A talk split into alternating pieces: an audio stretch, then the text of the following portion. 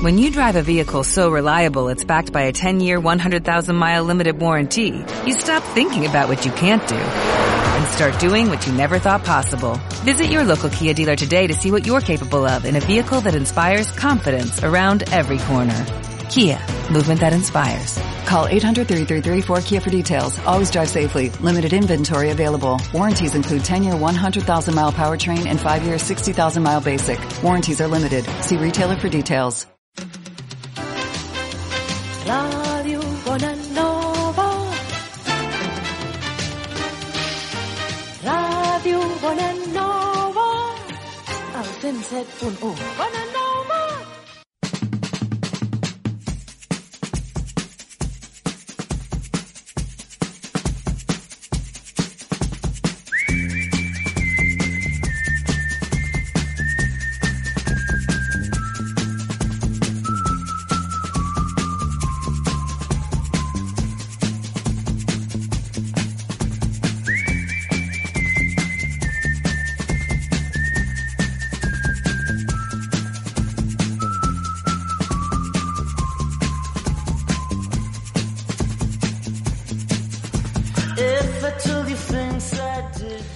Hola, què tal? Imperfectes. Soc en Jonathan Gomà, de Ningú no és perfecte. Ens trobem a la Ràdio Bonanova, al 107.1 de la FM. Benvinguts. Tenim moltes ganes de començar el programa, oi que sí? I tant que sí. Molt bé, com heu sentit, eh, per una banda tenim a la Raquel Villalobos. Què tal? Molt bé. No et sento gaire bé, eh? Doncs noi, més Ara. no puc cridar. Ara, ara, ara. Però si estàs que estaves molt lluny, estaves molt lluny. I molt bé, i per l'altra banda tenim a l'Héctor J. Ribas. Què tal? Molt bé, molt content un altre cop més. Molt bé. Avui està molt content. Sempre. Doncs bé, eh, tenim moltes ganes de començar el programa, com hem dit, i també recordar que tenim amb nosaltres a l'Anna Valverde, que li donem les gràcies pel seu suport tècnic i perquè programa a programa ens ajuda a ser menys imperfectes. Eso sí. Buena tarda. Bona tarda. Fetes les presentacions, recordem, a Facebook, Instagram i e-books. També, si voleu, podeu posar-vos en contacte amb nosaltres durant el programa amb el telèfon d'aquesta casa, que és el 93 202 34 36. I el número de WhatsApp, el 638 908 650. I si ningú té res en contra, comencem amb el programa d'avui. Benvinguts al Ningú no és perfecte.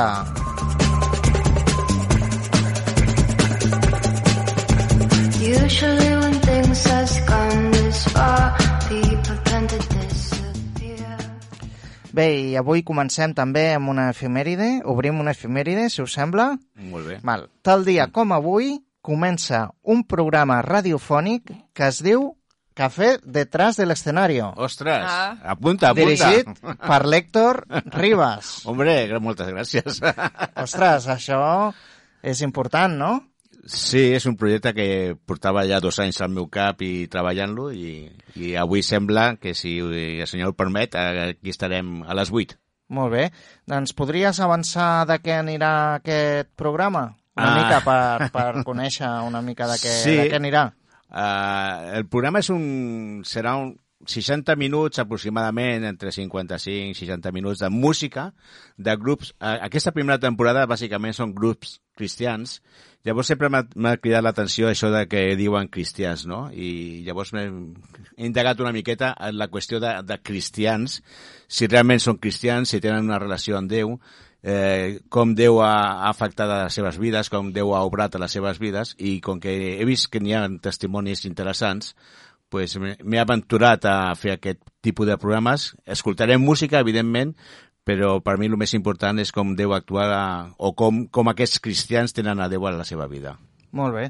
Doncs no us perdeu a aquest programa que comença aviat i també doncs, recordeu que el podeu trobar a Facebook, que es diu Café detrás del escenario, Correcte. i allí doncs, sabreu doncs, quan s'emet i allí ho tindreu. Us el recomanem, d'acord? Doncs bé, doncs seguim. Vale? Si us sembla, avui parlarem de reparar coses. No sé si us ha passat que algun cop hem tingut que reparar alguna cosa Bueno, perquè Sí. s'ha espatllat, s'ha Sí. trencat, o el que sigui. Doncs pues ho anem a fer amb els 5 minuts, amb la música de Missió Impossible. Un, dos, tres... Ja. Bé, reparar. Jo estava pensant, quan venien abans, a, antigament, a reparar la tele. No sé si recordeu no? que venia, No, que a- venia a- un a home casa meva a reparar la tele. A casa meva ningú venia a reparar res perquè el meu pare ho arreglava, Ho arreglava tot, ell. tot i tot. Manites, Com el de en Occidente, no? Sí. Sí, sí, sí. Quina sort que Perquè era, tenies. era la seva professió, reparar coses. Ah, jo en aquell temps no coneixia jo el pare Sí. de la Raquel. Ostres, No, doncs, t'hagués pogut reparar moltes Estem coses. parlant de les moltes te- teles. Estem parlant de les teles que tenen el cul aquell, no? Sí, De sí, sí, tubo, sí. les teles. Les Les teles tubo, de les tubo. tubo, sí, sí. Porque las otras no se reparan o qué? No, les altres no es... Jo sí crec que, que es, no. es porten a reparar, que És- no és el mateix és en tot cas. Sí, però tampoc es pot, ja avui en dia, No. el que pot costar una reparació i ja, ja Tristament més val comprar-te una, una, un televisor nou. Madre mía, pues es- voy a montar un café misionero para, que, para cuando se me rompa la tele. Sí, la veritat Sí, sí, és que avui és que- les coses digitals surten més cars perquè és una peça, i la peça és el que surt més car, llavors els xips aquests i tot això és el...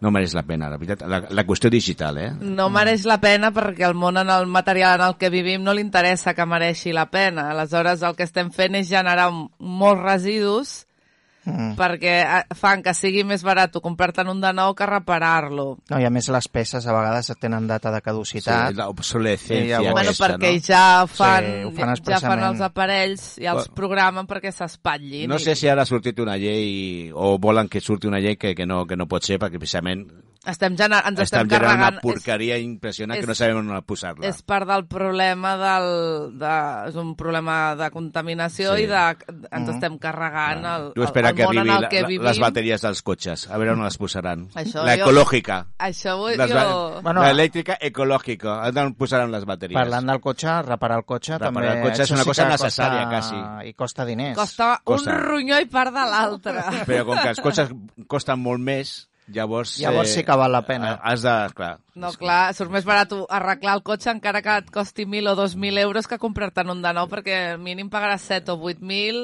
això un de molt econòmic, i si no, 15.000, No, el 20.000... més econòmic serà ara unes 12.000, 12-15.000 euros, el més econòmic. Bueno, està No, no, aquesta gamma blanca que no direm que ven per 7.000, 8.000 euros. Sí? Sí. Ah, bueno. Sí. Bueno, I després us han reparat algun cop eh, o arreglat alguna cosa a casa, per exemple, no sé, eh, fent obres a casa, han reparat la casa, l'han fet nova. Ah, sí, ha la fet, instal·lació no? elèctrica. Sí, També. Això l'han refet, sí. Doncs això també és... Ara bueno, m'han de reparar el balcó, el balcó i la façana. Estem esperant acabar de tenir els diners a la comunitat on visc i, i ja poder reparar l'edifici. Sí. I, I reparar sabates.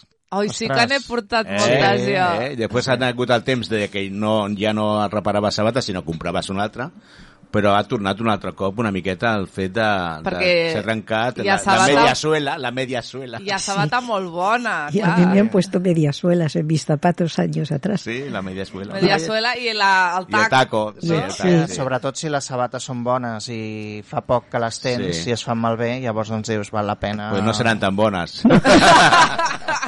Home, si camines... Aquí en la iglesia tenemos una, un matrimonio que su, viven de eso. Ellos tienen zapatería de re- reparar zapatos y además venden cinturones, claro. pero reparan zapatos. Sí, sí. Jo el que m'he reparat molt ha sigut la boca. el dentista, que també... Ay, pobreta, Sí, eso sí. es peor. El dentista, sí, sí, allà he fet una bona... Bueno, els meus pares i jo hem, hem fet una molt bona inversió. Però també és algo que arreglem, Clar. les Sí, dents. I després està el Robocop, El Robocop, que sí. fem allà una reparació total de, de, de la persona i surt, surt això, un Ah, Robocop. El meu avi deia que duia, el meu avi duia dents postisses i deia que duia les dents al mecànic. I el mecànic, i se li diu així a la persona que fa... Ah, que dents feia post- abans, o sí, El que el feia abans mecànic. les dents postisses. Sí, sí, és veritat. Mm. Però, pues, eh, Curiós, no?, això del mecànic. Li- no, no, sentit. potser pues, si s'aprimaves o t'engreixaves, després pues, doncs, duies la dentadura doncs, a que te l'ajustessin o a lo millor... A, a l'odontòleg no Es- anaves a, ara es ho queia- portaré al mecànic. Bueno, eres un Ara especialista. té un altre nom, no? Sí. Ara té un nom més Hombre, cool, no, hombre. més fashion, però... És que si no, no aniríem, eh? mecànic. Les ulleres, no reparat ulleres? També, també. És veritat, però són cares, també. També Llavors, doncs, aprofites i dius, Aprofites... bueno, que duri una mica més sí, la el muntura. vidre, no, o aprofites el vidre, que és la, la part més cara, i canvies També. la muntura. Pues ahora tampoco te dejan, ¿eh, Raquel? Ah, no? No, porque yo la última vez que me tuve que que me quería cambiar, que yo veo menos que Pepe Leche, pues claro, llevo los cristales desde el año Catapú, pero dije, quiero la misma montura, que me la compré en la estación de Sans a 50 euros, digo, quiero la misma montura y me eh, cambian los cristales, que me dijo el médico, te tienes que cambiar. Y me dijo que no, que los cristales nunca se aprovechaban porque al ser, eh, o sea, las monturas no se pueden usar las mismas porque los cristales, si son de estos, mm, Orgànics. sí, orgánicos y que ves para lejos y para cerca, es, Ah, como progresivas, y no sé qué, pues que no, porque el cristal eh, tiene que ser el mismo con esa medida exacta y es muy difícil encontrar otra montura para poderla adaptar. És que crec que les progressives són, són més complicades. No, clar, però una, una ullera de, de, de lluny, si el vidre és més gros, t'agafes una muntura més petita, eh? No sé, a mí no me dejaron y yo necesitaba cambiarme de cristales y no tenía dinero, o sea que no, no me dejaron, me Sí, dijeron no, que imposible. Com a l'Eugenio, no?, que deia, diu, diu feu a buscar una, a lo- a lo- a l'oculista unas gafas, diu, quiero unas gafas, diu, para ver de cerca o de lejos, diu, no, por aquí, por la provincia. bueno, doncs ja se'ns ha passat el, el temps i hem parlat de moltes coses que es poden reparar, coses La que roba, no. no parlen de la roba. També, també la, la roba, els mòbils, els reparem, no els reparem, depèn també. Mm. Depèn del que ens hagin costat. No, o, o... Bueno, jo vaig haver de reparar el meu a l'any de tenir-lo perquè eh, em va deixar de carregar. Aleshores, clar, Mhm. era molt més econòmic. Bueno, era econòmic reparar-lo, però de fet ara ja em torna a fallar la càrrega, ara ja en té tres i pico d'anys o quatre, i crec que ho tornaré a reparar. Vull Sí, dir, sí, bueno, és aprofitar-ho fent- mentre es pugui. Vull dir, per què gastar-me més cèntims si li puc seguir donant vida en aquest? Perquè al final serà una deixalla més de les que no, no es poden reciclar. Doncs sí, un altre tema que es pot parlar, de les deixalles. doncs bé, doncs seguim amb el programa i deixem que l'Héctor comenci amb Fotocol. Molt bé.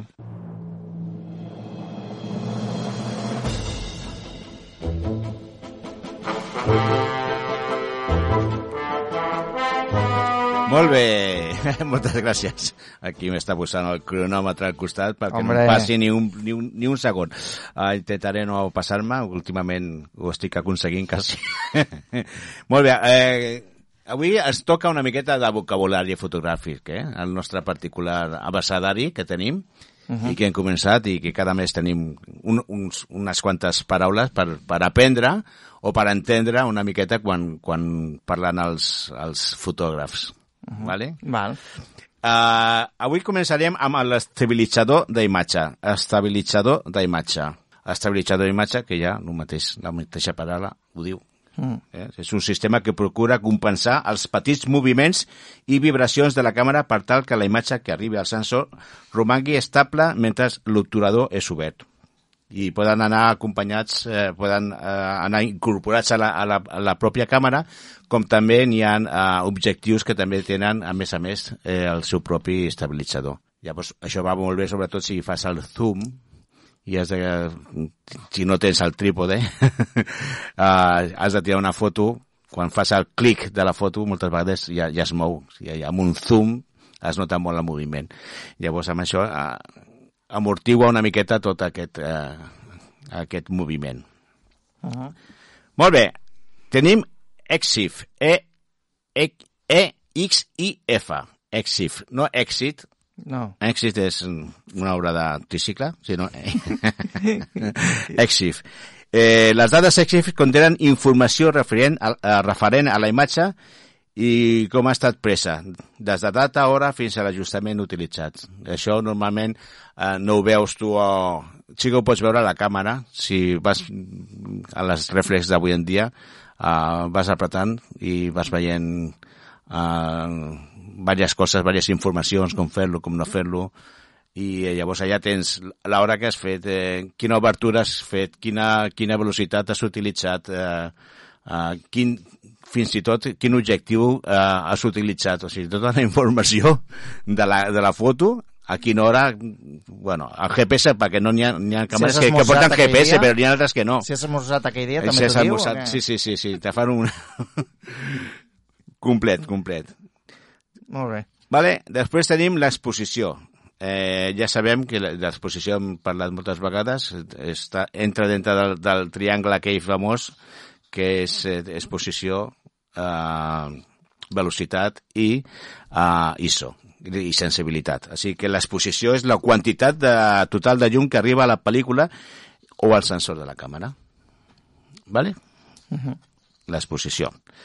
I tenim l'exposímetre Mare meva. que precisament és el dispositiu que mesura la quantitat de llum per determinar la combinació de velocitat d'obturació i obertura adequada per a una exposició òptima.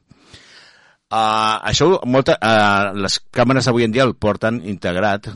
Tu quan, quan enfoques un, un objecte, uh, si apretes mig, eh, el botó uh, mitja estada, et, a baix, depèn, a baix o a la dreta, eh, veuràs un, un, una sèrie de números com una regla, i si toques l'obturador o la velocitat veuràs que es, que es belluga. Això és un exposímetre. És l'exposímetre. Després està el professional, que és el, que, el de la mà, el manual. És això el que veiem a, a vegades a les pel·lícules, que es posen allà al mig i Amb es una cosa davant de la a cara. la, de- ca- la cara per a veure exactament la llum que, que arriba allà, ah. perquè és allà on, on vols arribar, on vols enfocar i que surti bé, no? I llavors, perquè quedi bé, pues, tu posa davant de la cara de l'actiu o de l'actor i llavors amb això mm, queda registrat el, el, la llum i la velocitat i l'obturació més adequada per, per tenir-lo. Molt bé. Tenim el factor de conversió. Sí, D'euros a pessetes. Sí, com que, com que estem parlant de reparacions i tot això, pues, això ha de convertir-se, reconvertir-se. eh, també eh, anomenat factor de retallada és la relació entre la mida estàndard del sensor d'una càmera full frame de 35 mil·límetres i qualsevol altra mida de sensor. Les càmeres analògiques s'utilitzaven, recordeu, les càmeres eh, analògiques s'utilitzaven eh, les, les pel·lícules i la més utilitzada era la coneguda 35 mil·límetres. Tu anaves al rodet, al rodet, aquell- sí, posa 35 mil·límetres. Si ho mires fora a la, a, a la Ah. caixa, posa 35 mil·límetres. Pues això és l'estàndard. Això és com a, és l'estàndard. No? I a partir d'aquí és quan comença a variar uh, aquest factor de, de, de conversió. Uh, en llançar les primeres càmeres digitals van re respectar aquesta mida a l'hora de fabricar el sensor. I és el que coneixem les full frame. Les full frame són les càmeres digitals que, que, que estan adequades a, a, aquesta, a aquesta mida de 35 mil·límetres al sensor. Què passa? Són molt cares. Mm. Són caríssimes. Llavors el que han fet ha sigut eh, fer el sensor més, més petit, que és on recull tota la informació, i eh, abaratir els costos eh, han aconseguit eh, retallar també aquest factor. Però m'he perdut. La, o sigui, la càmera compacta que tinc jo, de La- fa 15 anys, Sí. aquesta és... No és Les, les càmeres compactes normalment coincideixen bastant amb, amb el amb el 35. 35. Sí. Ah, d'acord. Coincideixen. Encara que... Sí, perquè sí, això ja no... Eh, sí, jo... Llavors les que són Estem parlant de, cares de són la les- reflex. les- ah, la, les la reflex, sí. On, on hi ha el problema és, són les reflex. Es- Estan les reflex full frame, que, és, que són les originals analògiques, però que surten molt cares, i després estan uh, les, les reflex normals, els que, els que tenim els pobres. I, i, els, I llavors la mida del sensor és, és inferior. Eh, quina, quina és la, la, la referència? Mira, la majoria de les càmeres tenen un factor de conversió de 1,5 o 1,6 part, posa part, no? Això què vol dir? Que un objectiu de 50 mil·límetres, per exemple, és un, en una càmera que no és full frame i té factor retallada 1,5. Eh, nosaltres que tenim unes càmeres re- reflex, si tu te compres un objectiu uh, 50, que posa 50 mil·límetres. Uh -huh. Com que té, té aquest factor de retallada, tens que multiplicar-lo per 1,5. I això te donarà pues, un 70... Realment el que tens no és un objectiu de 50, sinó tens un objectiu de, de 70 amb un analògic, amb una càmera analògica. Llavors que tingueu en compte que diu, ah, jo me vaig a comprar una 50 o me vaig a comprar una 35. Bueno, una 35 pues sí que eh, equivaldria més o menys al 50. O me vaig a comprar un, un 200. Però Un 200, pues, ho multipliques per 1,5, pues, te, te vas quasi al 300, no? O sigui, és, és molt més que, que jugueu una miqueta amb això. Vale? Val. Ara anem amb, amb els filtres. filtre, segon d'això, és un filtre.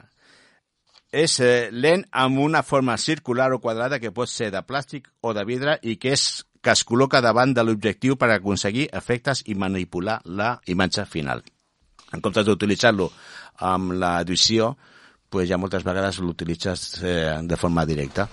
Hi ha formes circulars que, que, que ho enrosques a l'objectiu, llavors si ho compres has de tenir en compte el diàmetre de l'objectiu. Sí, perquè es pugui adaptar bé, vale? si no... I després està l'estàndard, que són aquests quadrats, però que ja s'amolden a qualsevol, perquè venen, són, són, són vidres sueltos que ja et venen amb un soporte i aquests soportes sí que són una mica estàndard a qualsevol altre objectiu, llavors van canviant. El problema és que un el tens allà que no, no avolta res i l'altre és... ho tens que portar tot, no?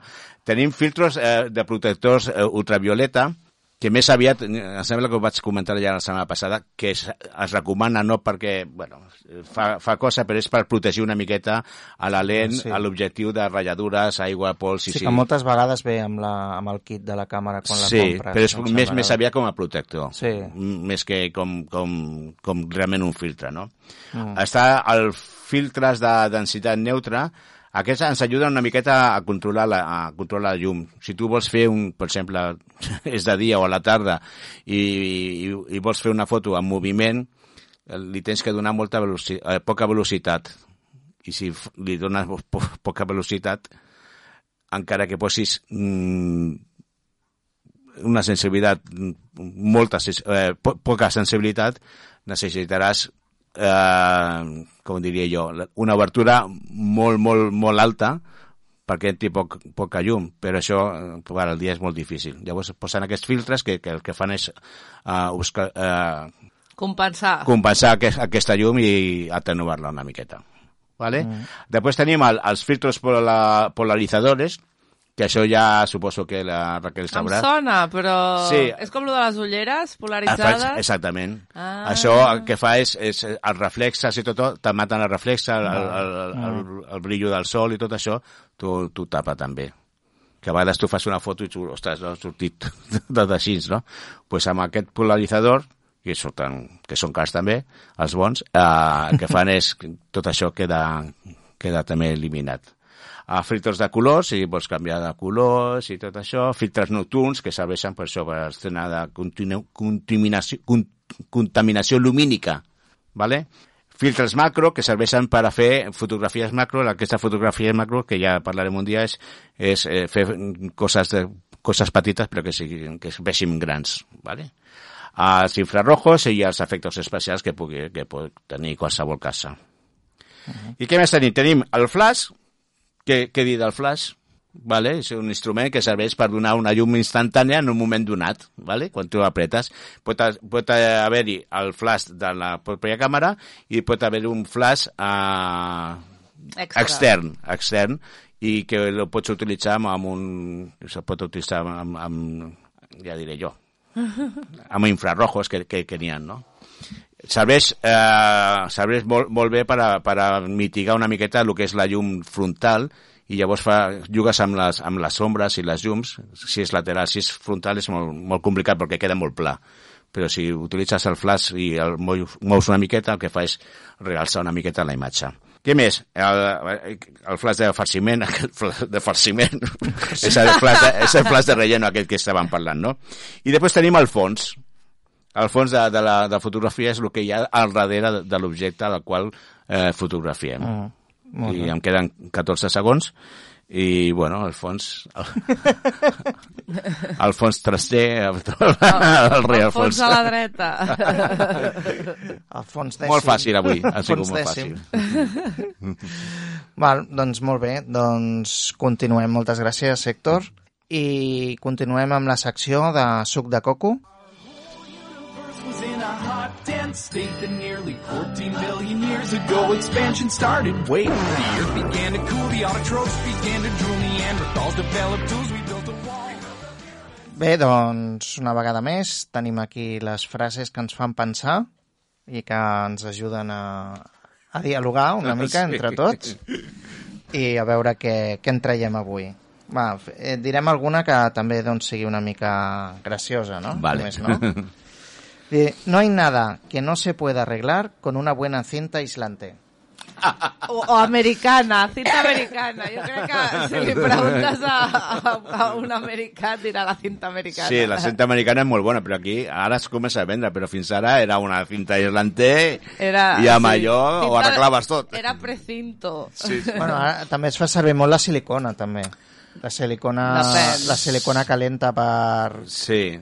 Per, jo què sé, se't trenca alguna cosa, una cosa, una peça o un, una figura o Ah, algo. bueno, sí, anava a dir doncs també- perquè jo ho he provat amb les soles de les sabates i no, I m'ha anat home, bé. La va silicona. Es menja, es menja la goma, no? No, la silicona aquesta de fer manualitats i no va Sí. bé.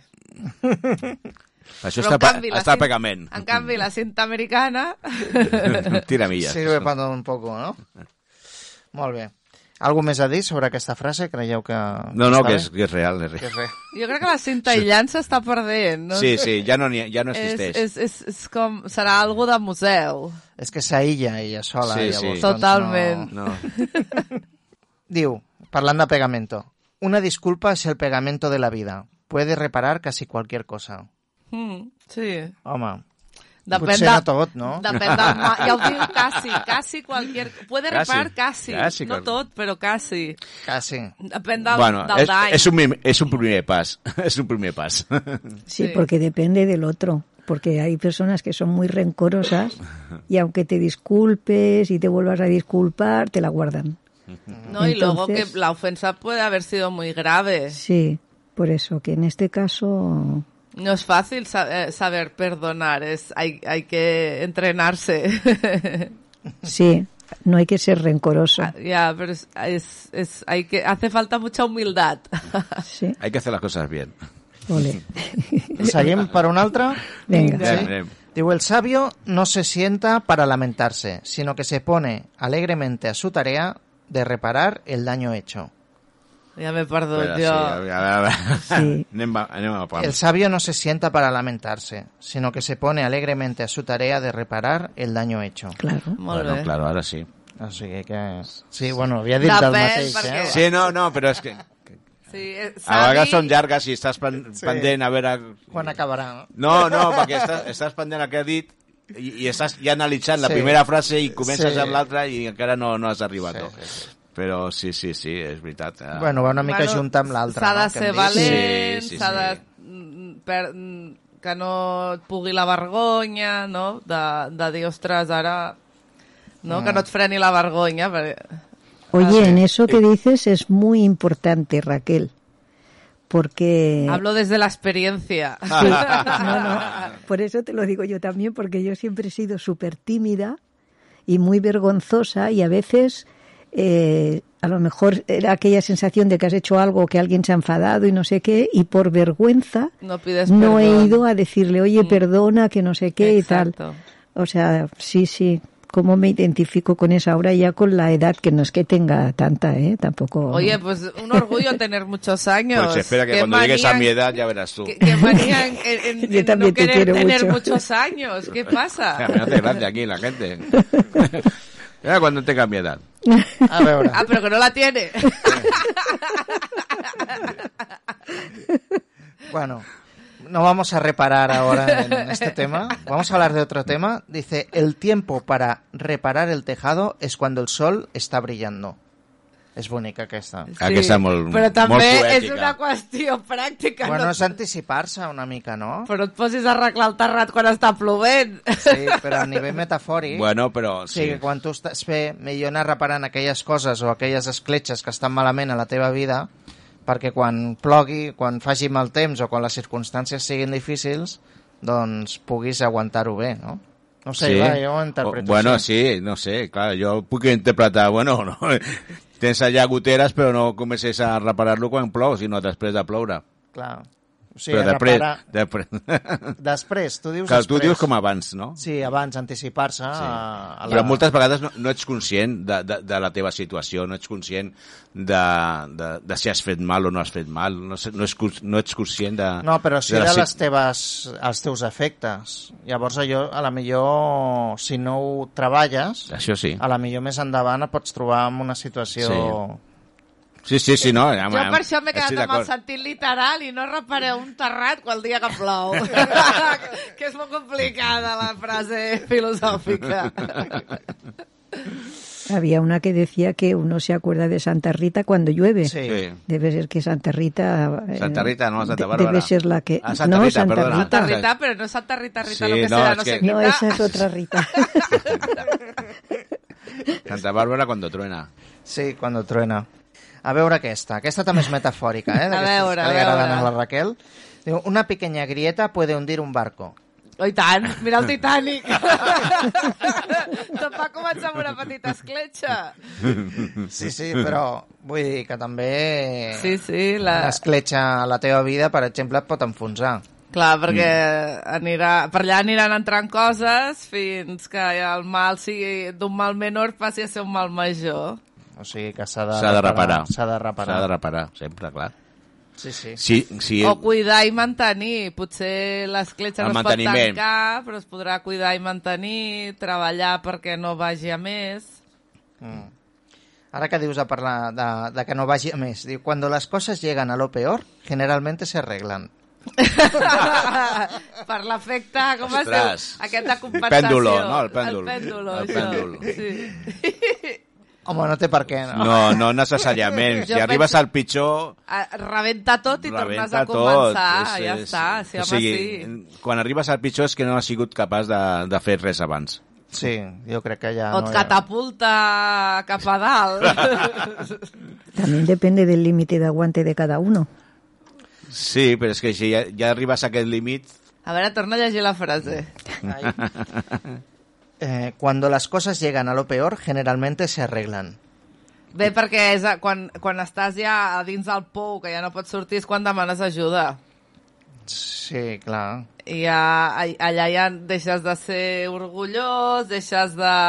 Et, et tragues l'orgull, la vergonya i, i t'has d'humiliar o, o has de posar remei, clar, si no et vols quedar en el pou. Anem amb una altra?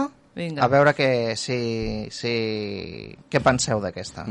Ningún día es tan malo que no pueda arreglarse con una buena siesta. Hombre, O un buen panetone, eh, Ana? Ay, ay. Yo prefiero el panetone a la siesta. Ai, sí, la dormir siesta, va que, molt bé. la siesta que no bueno, me la per treguin, eh? desconnectar, no? A vegades si passem per problemes o alguna Sí. cosa, a vegades dormir... Bueno, és un parche momentani, no ens enganyem.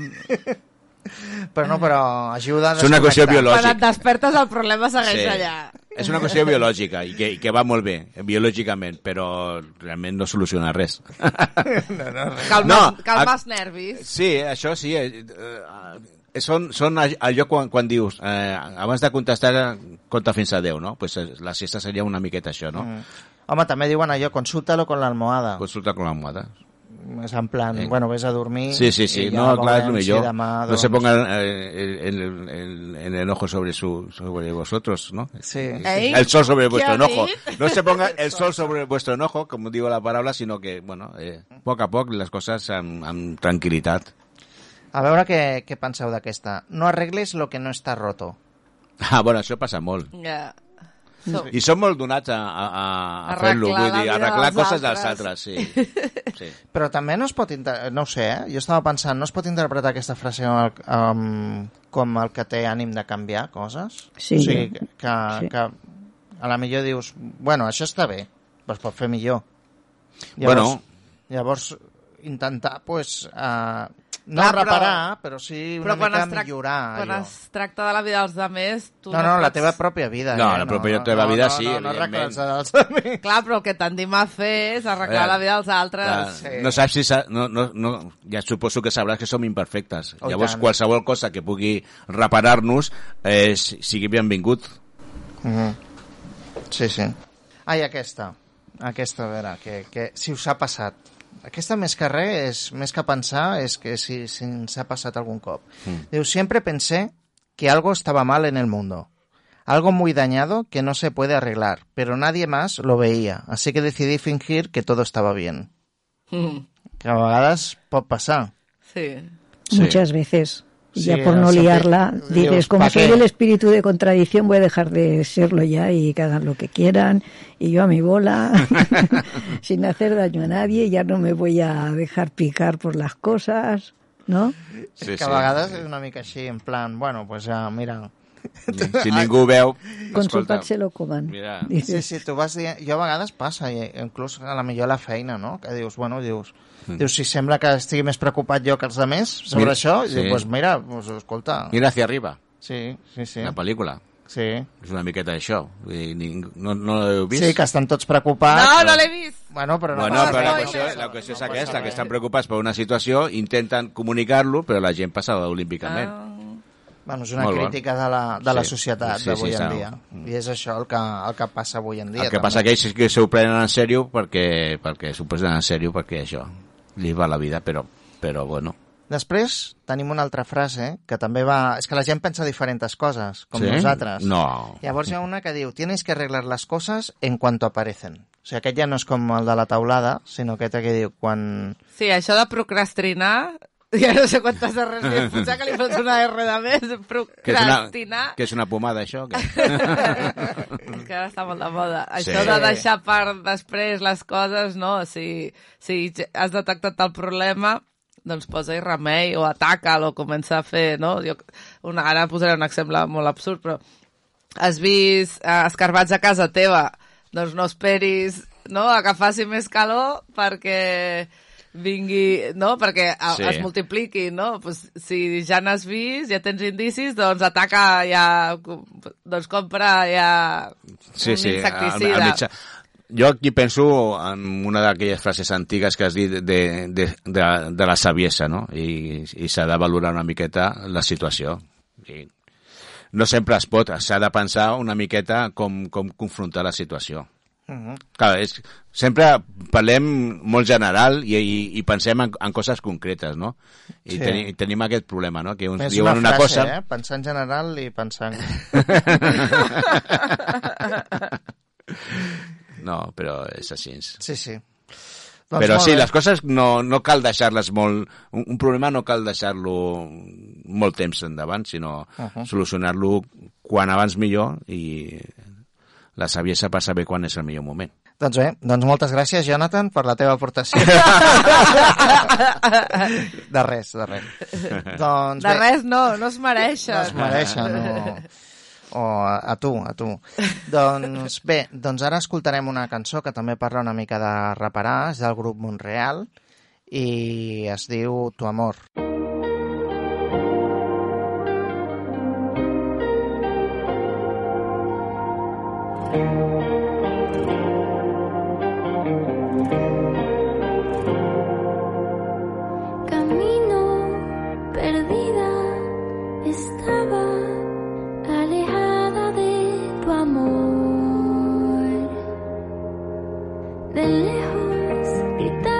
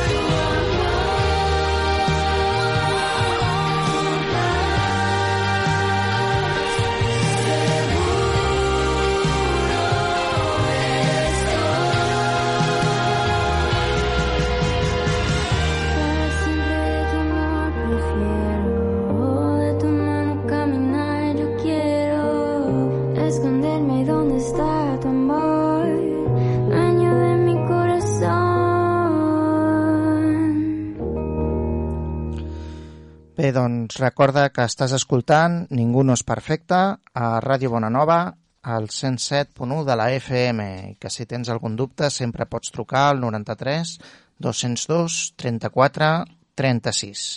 Doncs seguim amb el programa i ara tenim a la Raquel Villalobos amb Dones amb Història.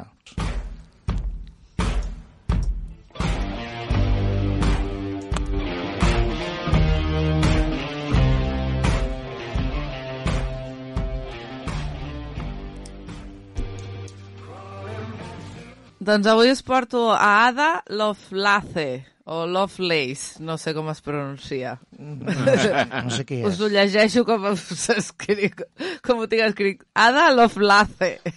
Lace. Lace. I què dona? Lovelace. Doncs, quan ningú més va veure... El... Bueno, dir que va ser una pionera de la informàtica. Doncs quan ningú més va veure el potencial de la màquina analítica creada per Charles Babbage, Ada Lovelace, una dona adelantada a la seva època, va ser capaç de desenvolupar el primer algoritme en capacitat per ser processat per aquest aparell, encara que mai el va poder provar. Cada any, des del 2009, el segon dimarts d'octubre, es celebra el Dia Internacional d'Ada Lovelace, una data amb la que es pretén commemorar els, les fites aconseguides per les dones en els camps com la tecnologia, la ciència, la enginyeria o les matemàtiques. Amb aquesta celebració es vol homenatjar la figura d'aquesta dona considerada pionera de la informàtica, filla del famós i controvertit Lord Byron i d'Anna Isabel Milbanke, una aristi- aristòcrata anglesa que va ser apassionada de les matemàtiques i l'astronomia.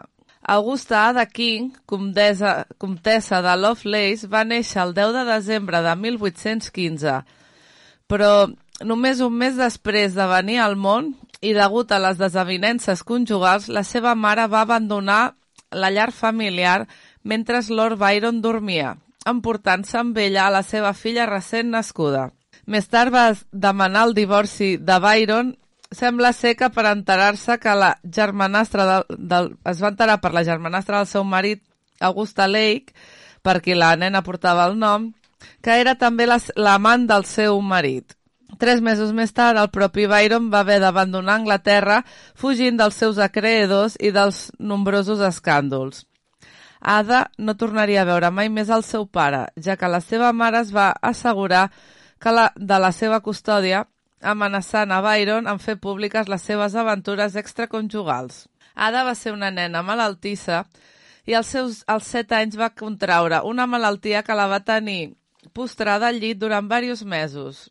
Als, eh, als 14 les seves cames van quedar eh, paralitzades de forma temporal com a conseqüència d'un greu xarampió. I això va fer que la jove dediqués molt més temps a l'estudi i a la lectura. La seva mare es va esforçar en donar-li una estricta educació que in va incloure música, francès i matemàtiques.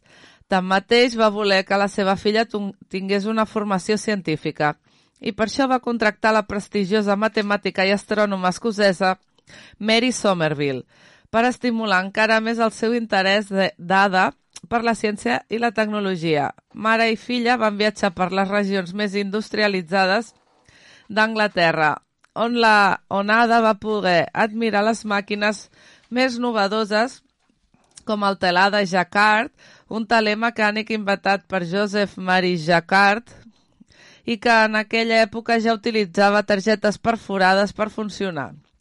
El seu elevat estatus social li va permetre relacionar-se amb prestigiosos científics com Andrew Crosse, David Brewster, Charles Wheatstone, Michael Faraday i el novel·lista Charles Dickens. Quan va complir els 18 anys, i com qualsevol altre jove aristòcrata de la seva època, Ada va començar a assistir a festes de l'alta societat, en una d'elles organitzada per la seva tutora Mary Somerville. Va conèixer el matemàtic Charles Babbage, que havia dissenyat una calculadora mecànica capaç de calcular taules de funcions numèriques pel mètode de diferències. També va dissenyar, encara que mai va arribar a construir, una màquina analítica per executar programes de tabulació o computació. Per aquests invents, Babbage es considera es va considerar un dels pioners en concebre la idea de, del que avui dia podríem considerar un ordinador. L'invent de Babbage va entusiasmar Ada i, el més important, la jove va pensar que aquell invent demostrava que un dia no molt llunyà les màquines farien possible canviar la vida de les persones. El 1835, Ada va conèixer William King Noel, Lord Lovelace, membre d'una influent família. La mare de la jove Ada va aprovar ràpidament aquesta relació. El 8 de juny de 1835 la parella es va casar i Ada es va convertir en Lady King. A partir d'aquest moment sempre afirmaria com Ada Lovelace. En aquella època, la salut de la ja comtessa Lovelace va començar a deteriorar-se. Patia greus problemes digestius i respiratoris que, al ser tractats amb opiacis, li van provocar deliris i canvis bruscos d'humor. És possible que, com a conseqüència de l'abús d'aquestes substàncies, Ada comencés a patir un canvi de personalitat. Es va arribar a descriure ella mateixa com un geni de les matemàtiques, amb facultats quasi sobrenaturals. I encara que ho va intentar sense èxit, que Babaix es, es convertís en el seu professor, els dos van acabar per mantenir una estreta col·laboració. El 1842, Ada va realitzar el seu únic treball professional per la revista Scientific Memoirs, que li va encarregar la traducció d'un article escrit en francès per l'enginyer militar italià Luigi Menabrea, en el que es descriuria la màquina analítica de Babbage.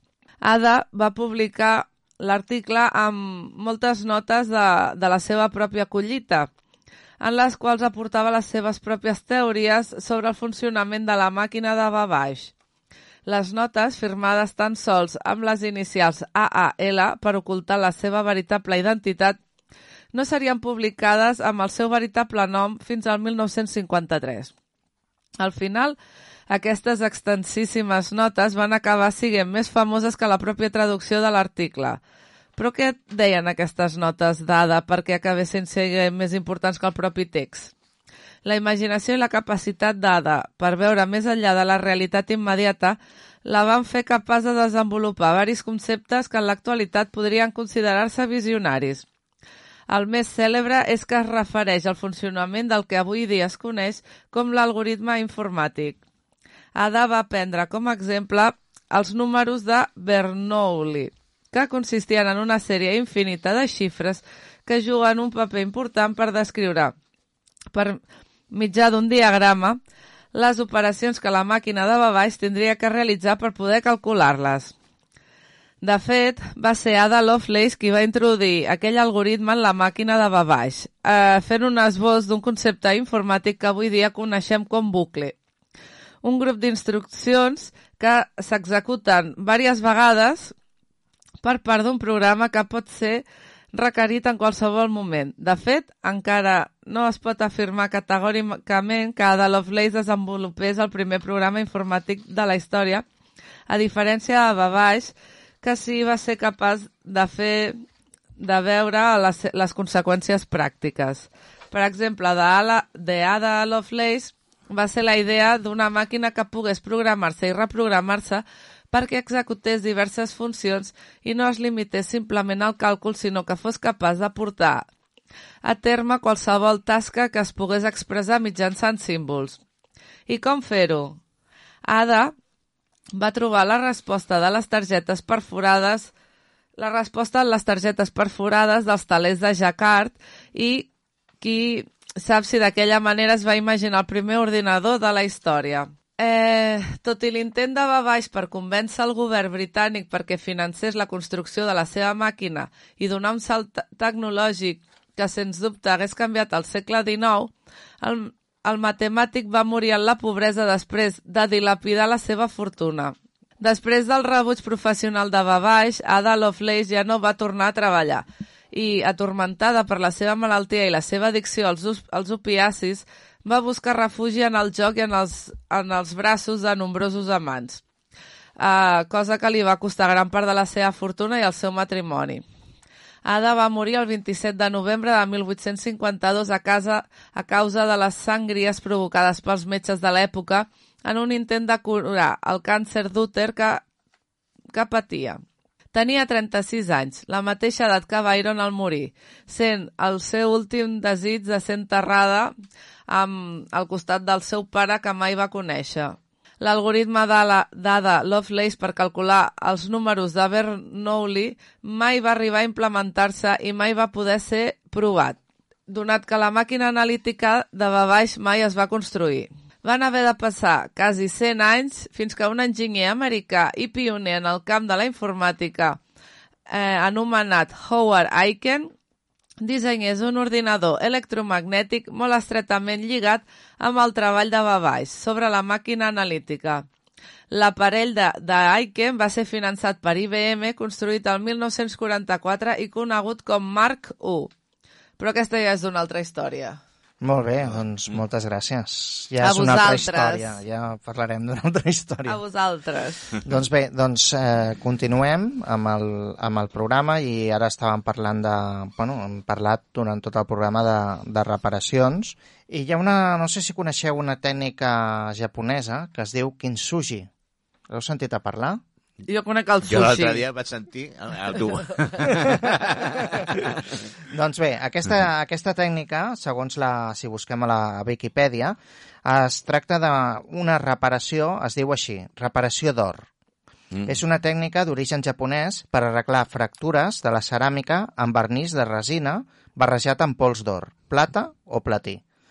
O sigui, forma part d'una filosofia que planteja que els trencaments i les reparacions formen part de la història d'un objecte i que s'han de mostrar en lloc d'amagar-se, incorporar-se i, a més, fer-ho per envellir l'objecte, posant de manifest la seva transformació i història.